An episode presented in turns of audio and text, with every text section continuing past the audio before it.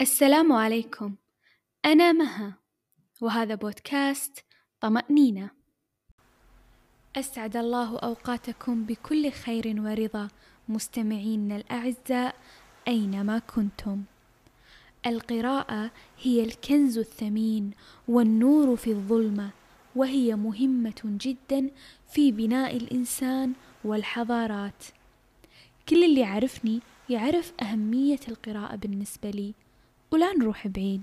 في ديننا الإسلامي أول آية نزلت على النبي صلى الله عليه وسلم. بسم الله الرحمن الرحيم. اقرأ باسم ربك الذي خلق. وهذا يدل على أهمية القراءة وعظم منزلتها. نحن المسلمون عندما نقرأ القرآن الكريم ونتدبر في آياته ونقرأ جمال معاني الآيات الكريمة تستنير عقولنا وتشرح صدورنا ويصلح حالنا. عن النبي صلى الله عليه وسلم قال يقال لصاحب القرآن اقرأ وارتقي ورتل كما كنت ترتل في الدنيا فإن منزلتك عند آخر آية تقرأ بها. للقراءة فوائد عديدة أنا أقدر أتعرف على ثقافات شعوب وحضارات سابقة بمجرد أني قرأت كتاب يتحدث عنها. أقدر أتعلم مختلف العلوم بمجرد جلوسي في مكان وقراءتي لمجلة علمية أو كتاب علمي. أقدر أطور من مهاراتي وأساليبي وأستفيد من خبرات وتجارب ناس أنا ما شفتهم بالواقع لكن بمجرد أني قرأت كتبهم أو سيرتهم الذاتية وأنا بمكاني. أقدر أطور من هواياتي وأتعلم شلون أنمي مواهبي وأنمي عندي الإبداع والابتكار بمجرد القراءة للمواضيع الصحيحة اللي تخص هذا المجال. مع التطور التكنولوجي والأجهزة الحديثة الذكية صار سهل جدا أني أقرأ في أي وقت عن أي موضوع في أي مكان حول العالم فقط بضغطة زر هالشي وفر علي الوقت والجهد بشكل كبير وهذه نعمة نحمد الله عليها لكن لازم ننتبه لنقطة معينة أنا شنو أبي أقرأ؟ هل معقولة كل الكتب مفيدة؟ شنو المواضيع اللي تهمني وممكن تفيدني؟ راح أقول لكم جملة مهمة جدا اختر ما تقرأ بعناية جملة غيرت فيني الكثير. لأن مو كل الكتب مفيدة ومو كل المعلومات صحيحة. أنا عندي دين ومبادئ وقيم وأفكار لازم أراعي هالشي. لما أقرأ في مجال معين لابد أن هالمجال يبني فيني ما يهدم. في كتب تنمي الفكر والمنطق وتزيد العلم والفهم. وتنمي المهارات والمواهب وتغرس القيم والمبادئ الصحيحة التي ترتقي بالقارئ.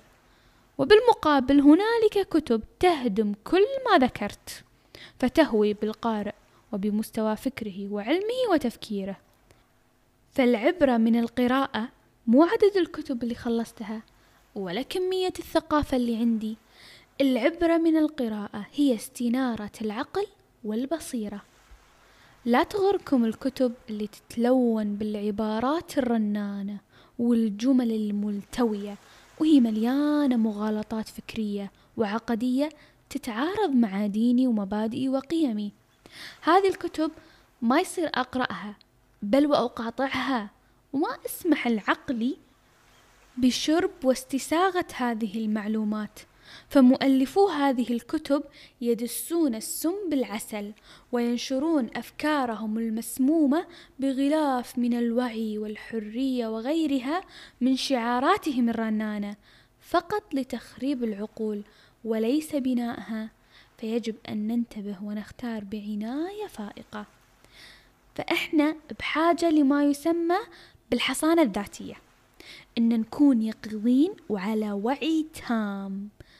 بما يحصل لكي نميز الطيب من الخبيث الجيد من السيء والمفيد من المفسد. احرصوا عند اختياركم للكتب أن يكون المؤلف سليم العقيدة والمبدأ. أنا مسلمة في مواضيع ما يصير أقرأ فيها ولا حتى أقتني هالكتب اللي تدعم هالمجال مثل علوم الطاقة والضجة اللي صايرة للأسف. هالمعلومات اللي تتداول في هالمجال صحيحة في دين آخر كالهندوسي والبوذي وغيرها لكنها غير صحيحة في الإسلام؟ وبما أني مسلم لا يجب علي قراءتها. صدقوني ما في شيء اسمه أقرأ المفيد في الكتاب وأخلي الغير مفيد. لا لا لا. العقل بمجرد ما تدخل له المعلومة ويستسيغها راح يبني عليها. وخطأ فوق خطأ يعني هدم. ما بني على باطل فهو باطل. العقل كالمزرعة تزرع بذور نظيفة نقية تحصد زرعا مثمرا. تزرع بذور فاسدة فلن ينتج شيء إلا الخراب. وغير ذلك سينتشر هذا الفساد ويفسد كل المحاصيل المثمرة ويعدمها يعني ما استفدت شيء. فمهم جدا أن يكون الكاتب صاحب مبدأ وعقيدة سليمة لأن الكتاب عبارة عن وعاء والمعلومات اللي فيه هي أفكار الكاتب وهي بمثابة الماء أنا القارئ ماذا أكون؟ أيوه أكون الشارب لهذه المعلومات فيجب أن أنتبه جيدا وأتحرى الدقة لما أدخل إلى عقلي. ومن الضوابط أيضا سؤال أهل الاختصاص في مجال معين أريد قراءته لأن هالشيء راح يوفر علي وقت وجهد. يعني مثلا أنا أريد القراءة في مجال العقيدة. بدال أروح بنفسي وأدور الكتب أسأل أهل الاختصاص أسأل الناس المختصين في هذا المجال. راح يرشحون لي كتب وهم متأكدين من معلوماتها والمصادر اللي فيها فأنا وفرت على نفسي وقت وجهد. القراءة النافعة تتوافر فيها أربع جوانب مهمة. الاستعداد التمعن الفهم والاستنتاج. أنا كقارئ لازم أكون مستعدة للموضوع أو المجال اللي راح أقرأ فيه. ولما أقرأ لازم أتمعن في المعاني والمقاصد الموجودة في الكتاب أيضا أفهمها فهما صحيحا سليما بما يتوافق مع مبادئي وقيمي وأفكاري وديني وفي نهاية ذلك أستنتج ماذا أضاف لي هذا الكتاب؟ ماذا غير فيني؟ ما هي المعلومات التي أستطيع أن أحولها لواقعي وأستفيد منها؟ لما تتوفر هذه العوامل الأربعة هنا أستطيع أن أقول أنني حققت الفائدة المرجوة من القراءة. وأيضا لازم أحدد هدفي من القراءة ولازم أختار من الكتب والكتاب ما يرتقي بمستواي المعرفي والعلمي.